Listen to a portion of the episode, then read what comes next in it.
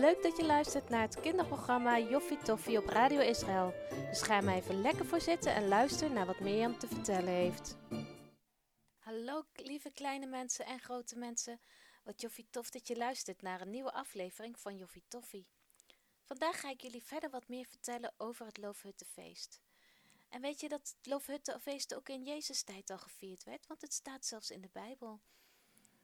Het was bijna Loofhuttenfeest, staat in Johannes 7.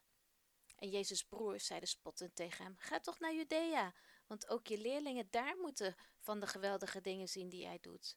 Want iemand die bekend wil worden, moet tegelijkertijd niet proberen om niet op te vallen. Als jij dan zo graag de dingen wilt doen, zorg ervoor dat alle mensen het horen en zien. Want Jezus' broers geloofden eigenlijk niet zo in hem.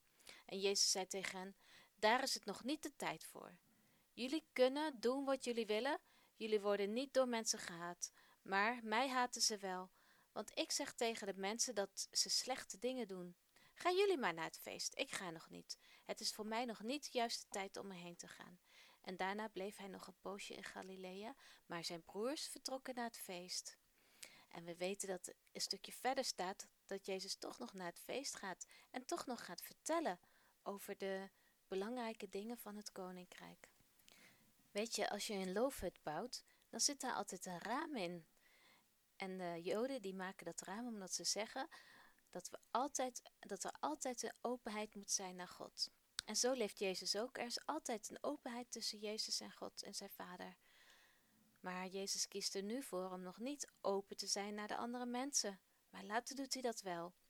En open naar andere mensen, dat moet altijd op een bepaalde tijd, op Gods tijd gebeuren.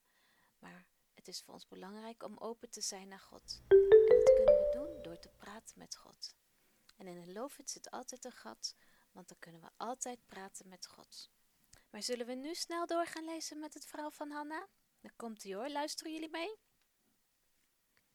Echt lang de tijd krijgt ze niet. Heel stilletjes is er nog iemand in de loofhut komen zitten. Hanna kijkt op. Twee bruine ogen kijken haar vriendelijk aan. Het meisje steekt haar hand uit. Ik ben Irit. Jouw oma is mijn buurvrouw. Hoe heet jij? Hanna geeft antwoord terwijl ze haar hand geeft. Hanna, zegt ze. Gelukkig heeft Hanna in België Hebreeuws goed geleerd op school. En kan ze Irit al aardig verstaan. Irit is ook Joods, net als Hanna. Irit gaat eigenlijk nooit naar de synagoge en haar ouders ook niet meer. Ik stond al eventjes buiten te luisteren naar je opa, zei Irit. Kan hij mooi vertellen, zeg? Ik had nog nooit gehoord. Ik had het zo nog nooit gehoord. Ik ook niet, zegt Hanna. De meisjes kijken elkaar aan. Ineens schieten ze allebei in de lach. Dat wordt dikke pret deze week, want Irit is ook vrij van school. Misschien kunnen ze nog wel wat vaker afspreken. Daar komt oma alweer aan. Ze heeft een groot dienblad vast met eten erop. Je blijft toch wel gezellig eten, hè, Irit? We hebben nog meer dan genoeg. Dat wil ik wel, zegt Erik beleefd, maar ik moet het wel even aan mijn moeder vragen. Vraag gelijk of zij ook wil komen, roept oma uit vanuit de keuken. Het is nu gezellig druk in de loofhut van opa en oma. De ouders van Erik zijn ook gekomen, net als een vriendin van oma en de overburen. Maar ondanks de grote groep zit iedereen heerlijk. Het is maar goed dat opa en Hanna de loofhut lekker groot hebben gemaakt. Hanna en Irit kletsen samen. Opa is in gesprek met Irits vader en oma en de buren praten ook met elkaar. Het is echt heel gezellig. Het is met een vestje buiten ook nog lekker hoor. Hanna kijkt op haar horloge. Het is al negen uur geweest. Zal ze het vragen? Het is iets waar ze al heel lang aan dacht toen ze nog thuis was. Ze fluistert in Irits oor. Die glimlacht en knikt. Dan stappen de meisjes allebei van hun plekje richting oma. Ze fluisteren in oma's oor. Van oma mag het gelukkig. Nu nog Irits vader. Hij kijkt een beetje bedenkelijk. Maar omdat opa zegt dat hij een oogje in het zeil houdt, geeft hij toe. De meiden stralen helemaal. Wat is dit leuk! Irit, ga jij thuis nog even je logeerspulletjes halen? Dan leg ik Hanna's luchtbed en slaapzakken klaar. Iedereen zegt elkaar gedag en het wordt weer wat rustiger in de tuin. Het was een mooie avond en nu mag ze ook nog in de loofhut gaan slapen met haar nieuwe vriendin. Hanna is zo blij. Na een half uurtje is Irit weer terug met haar slaapzak.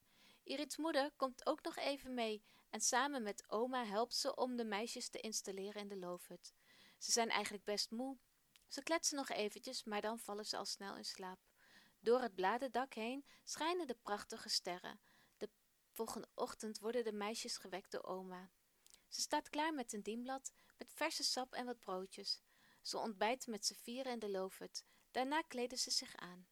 Wat denken jullie ervan om vandaag op stap te gaan in Jeruzalem? Ik heb Iris ouders gevraagd en Irit mag met ons mee. De meiden kijken helemaal verrast. Wat leuk om er vandaag op uit te gaan. Onderweg vertelt opa nog veel meer over het volk van Israël en het land dat God al duizenden jaren geleden heeft beloofd aan Abraham. Hanna en Erik luisteren geboeid naar opa. Hij kan ook zo mooi vertellen. Hanna wil het allemaal ook graag aan haar ouders vertellen. Ze heeft zoveel nieuwe dingen gehoord. Als ze in de oude stad van Jeruzalem zijn, lopen ze naar de kotel. Die wordt ook wel klaagmuur genoemd, een stuk muur van de oude tempel die daar eens stond. Ervoor is een groot plein waar ontzettend veel verschillende mensen lopen. Klasjes kinderen die op schoolreisjes zijn, mannen met zwarte hoeden en lange baarden, toeristen met grote camera's en mensen gewoon zoals Hanna. Ze ziet er dat, dat er twee toegangen zijn om bij de muur te komen, één voor de mannen en één voor de vrouwen. Hanna herkent dit wel van de synagoge thuis in België. Ze loopt met oma en Erik naar de vrouwenkant. Ze lopen helemaal naar de muur toe. Hanna vindt het wel indrukwekkend. Wat een enorme stenen. Opa staat verderop te wachten op met een flesje water en fruit. Laten we nu naar de olijfberg gaan, zegt opa. Daar kan ik ook nog wat moois over vertellen. Oma en de meisjes lopen achter opa aan. Ze zijn eigenlijk niet. Ze zijn er eigenlijk zo. Niet omdat het heel vlakbij is, maar omdat opa tijdens het lopen gewoon doorgaat met vertellen. Boven op de berg heb je een mooi uitzicht over de stad. Hebben we daar net allemaal gelopen? vraagt Irit. Jazeker, zegt opa. Jullie hebben heel goed gewandeld, meisjes. Opa geeft terwijl hij dat zegt oma een hand. Jij ook, schat.